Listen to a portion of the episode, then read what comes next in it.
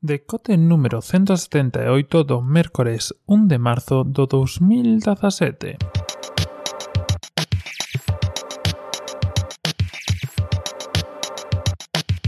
Bos días e benvidos de novo a Un Decote Oxe con este título tan de volta, o retorno Pero eh, un retorno que non ven por min Que, bueno, eu retorno a miña propia casa Así que non sei como de retorno é eh, eso Sino polo que imos a falar hoxe.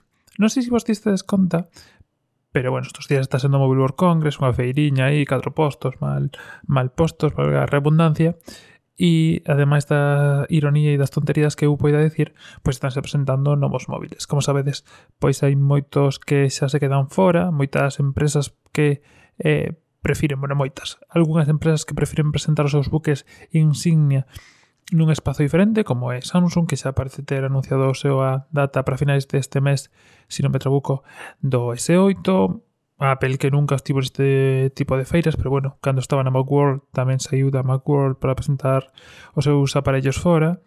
E en xeral, pois, son marcas máis pequenas ou quizá eh, menos coñecidas por Europa as que aproveitan este momento de, de máximo enfoque para presentar os seus novos terminais, pois como Huawei, como ZTE no seu momento, e este ano, despois de un tempiño sin que pasase, como Nokia. Unha das cousas que me pasa con Nokia, bueno, pasanme dúas para que, para que nos situemos. A primeira, eh, fun dos poucos, porque realmente fomos moi poucos, eh, que tuvimos un Lumia 800, que foi o último a última etapa xa dos Nokia. E realmente eh, levaba un sistema operativo que era Windows, Windows Phone, o Lumia 800 non chegou a actualizarse a 8, quedou unha 7.1 ou 7.2, ou quizá ni siquiera chegou a 7.2, bueno, quedou polo camiño, só foron as, as, as phablets que se actualizaron. Pero ademais de todo eso, eh, tiña un deseño que me gustaba moito.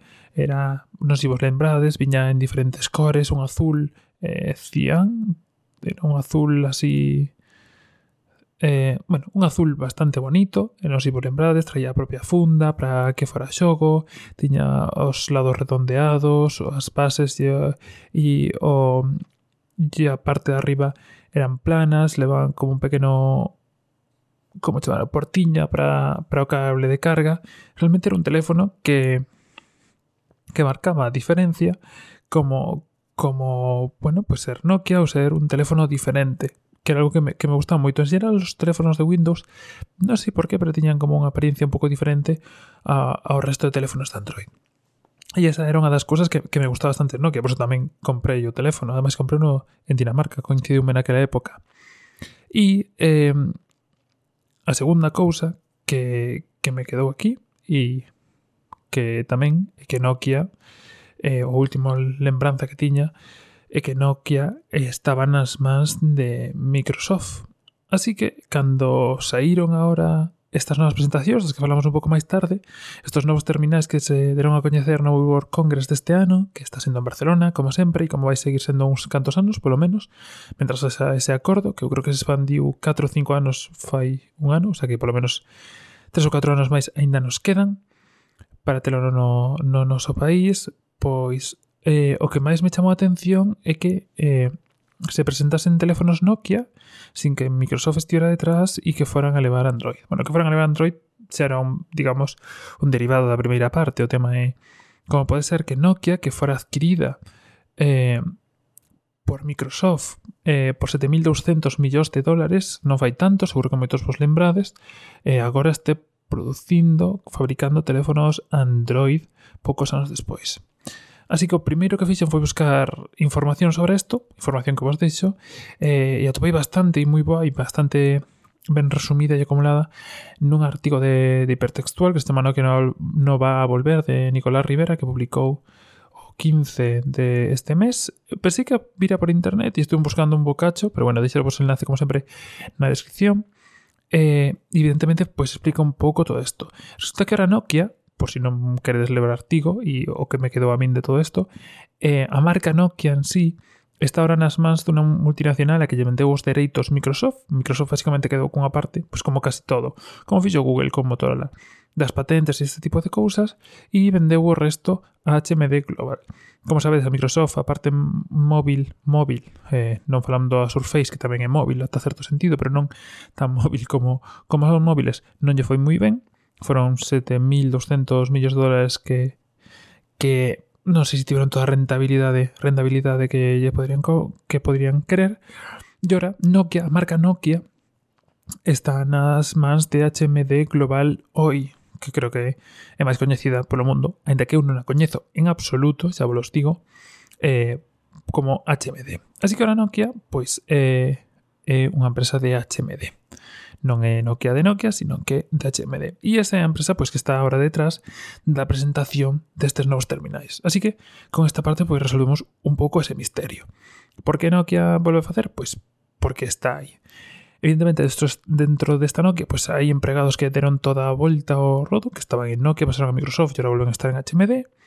E hai empregados pues, que foron quedando polo camiño. Así que en Nokia, pois pues, ata certa parte sí, e ata certa parte, que supoño que será mayoritaria, No, pero bueno, tampouco pasa nada por estas cousas. Poden cambiar aínda sen cambiar de dono. Dito todo isto, contado todo este conto así que, que vos estou, deixemos evidentemente o artigo que, que o que fai referencia, que, bueno, fala un pouco mellor de, de todo de todo o que pasa con esta Nokia que non é tan Nokia, hai que falar dos terminais que presentou Nokia, que son os Nokia 3, o Nokia 5 e o Nokia 6 indo de prezo inferior a maior e de prestacións inferiores a maiores e deixo nun apartado aparte o 33 eh, o Nokia 3310 que tamén pois ten un revival neste tempo. Empezamos. Nokia 6 eh, tamén vou echar un artigo de Mallando no Android que Iago Varela anda por ali Estive que no seu momento aí de... No seu momento. Ainda falaba hoxe, non foi no 2012. Teño ganas de volver, pero paso teño que escribir máis de tecnoloxía do que fago agora e ter máis tempo. Bueno, agora volvo a ter tempo, pero do que tiña ata agora. Nokia 6, que levo unha pantalla leo, miro, digo vos eh, rapidamente as, as prestacións, unha pantalla Full HD de 5,5 pulgadas, é bastante grandiña, se non me equivoco é o mesmo que, que o iPhone eh, grande, o Plus. Eh, leva un procesador Qualcomm Snapdragon 430, 8 núcleos, 3 eh, ou 4 GB de RAM e 32 64 GB de memoria interna ampliables con microSD e a batería de 3000 amperios. A cámara principal de 16 megapíxeles, que está ben, e unha apertura de 2.0 con flash LED. Creo, se non me equivoco, que xa non é eh, xa non son Car 6 as, as cámaras, que eran as que, bueno, non sei se vos acordades o móvil que, que tiña unha cámara tremenda, 21 megapíxeles de Nokia, pois xa non está a mesma empresa detrás, así que evidentemente aquí vai deixar moito... non vai estar a mesma altura, evidentemente. Eh, prezo, pois vai ser de 229 para o modelo de 3 GB de RAM e 32 de, de memoria interna e 299 para o de 4 de RAM e 64 de memoria interna. Este será o tope de gama. A verdade, o prezo está bastante ben, habría que ver logo como se comporta. Ainda que teña 16 megapíxeles a cámara, pois evidentemente eh, os píxeles sirven, por exemplo, para que poida facer gravar Full HD y yo creo que con 16 da para 4K, pero luego eh, su interior no da para procesar las fotos a, suficiente velocidad y, con suficiente calidad, de, pues va a quedar así. Pero bueno, tengo a pinta por 229 euros, si algún día da nostalgia y, necesito un móvil, está ahí. Luego tenemos un Nokia 5 que para abajo, que le va una pantalla IPS de 5,2 pulgadas HD con procesador Qualcomm Snapdragon de 400 430, por se o queredes buscar. Eh, dos sillas de ranzas, memoria interna, tamén ampliables con micro SD e cámaras de 13 e 8 megapíxeles e batería de 3000 amperios, igual que o seu compañeiro de que non caseis. A venta prevista por 189 euros en varias cores. E por último, para baixo, temos o Nokia 3, que é o máis económico de todos, eh, que ten unha pantalla de 5 pulgadas, sigue sendo un tamaño xeitoso, un proceso de 4 núcleos de 1,4 GHz, 2 GB de RAM, 16 GB de memoria interna, cámara frontal e traseira de 8 megapíxeles e unha batería de 2600 mAh. 139 euros, de novo bastante ben, metes aí un pouco a competir co que é o Moto G e este tipo de teléfonos, Moto E incluso, creo que o Moto E está máis cerca quizás non sei se sigue vendendo ou non. Pero bueno, queda aí. A verdad, nese sentido mantén moito que ven sendo Nokia, o que era no seu momento Nokia, en que tivo momentos de móviles un pouco máis caros, eu recordo que as, as phablets estas, que ahora non me acordo exactamente, pois pues, andaban por 400, 500, non andaban polos topes de gama de 600, 700, lembro que o Lumia comprei eu que podían ser 400 euros, unha cousa así, eh, creo que fora algo así en Dinamarca, o que pode ser un pouco máis caro incluso que aquí, e, e está ben, Que pasa? Un pouco vos decía ao principio, o deseño ahora xa é un deseño moito máis aburrido, moito máis plano, moito máis estético, leva Android que chama moito menos atención e realmente pois está competindo eh, pode ser que con Windows non tivera moita competencia, pero tampouco tivera moito mercado, e agora, pois todo o contrario, ten moito mercado, pero tamén ten moita competencia, e realmente o deseño, pois, pois ben, son Nokia e poñen Nokia, pero realmente non é algo que me chame moitísimo a atención. E, eh, por último, o última que se presentou e que se veñan avisando é o revival, a volta, o retorno, moi, nunca mellor dito, o retorno de Nokia, o retorno deste podcast, o retorno do Nokia 3310. Non sei se vos lembrades do Nokia 3310, se sodes moi novos non vos lembrades, se sodes algo máis máis igualetes como a min, eh, lembrades vos do móvil indestructible, do móvil que podías facer o que quixeras con el que non se podía destruir. Lembro eh, unha anécdota así eh, de cando fora o, o Xocostoeixo Atlántico aquí en Santiago de Compostela eh, un compañero meu que tiña un Nokia 3310 podía facer dende bastante tempo porque os xogos foron no 2006 este un móvil do 2000 ou unha cousa así. 2004 ou 2006, sí, por aí. Eh, el evidentemente xa estaba nas narices do seu móvil e facía o que lle daba gana con el. Eh, daballe patadas, xogaba fútbol con el, de todo. E o móvil non se destruía, e era súa cruz porque quería cambiar de móvil, pero claro, mentras ese funcionase, pois iba a ter que seguir tirando con el. De tiña o Nokia 3310 que, que non cambiaba. E, pois, Nokia fixo como un revival desto, intentando simular este teléfono.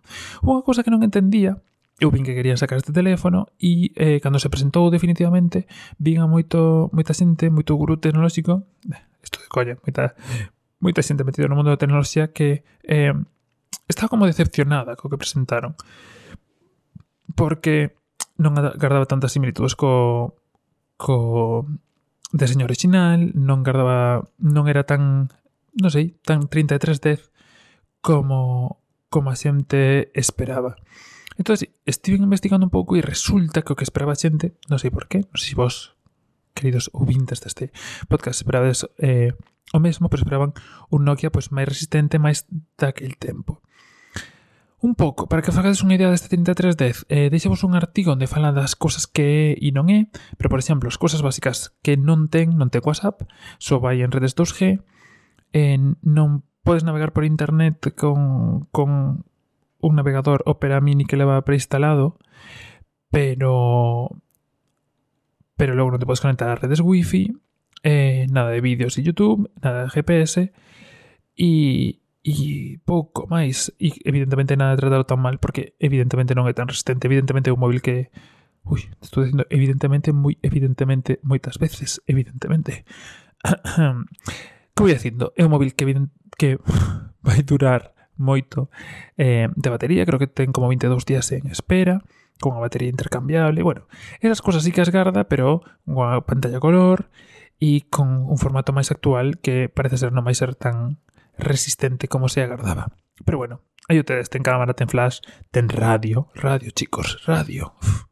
Canto levades en ver un móvil un móvil sen, con radio. Eh, seguro que estades esperando. Pois pues esta é a vosa oportunidade. Eh, así que no me vais a escapar porque por 59, creo que entre 49, entre 49 y 59 euros vai a estar este teléfono. Así que xa sabedes, este oboso. E nada máis por hoxe. Eh, seguiremos, volveremos mañá, seguro 100%, así que non desesperedes. esperedes.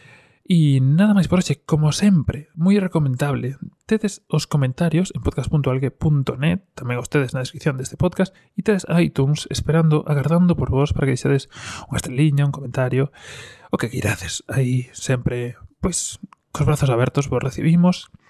E nada máis por hoxe. Espero que teñades un bo mércores, un bo día.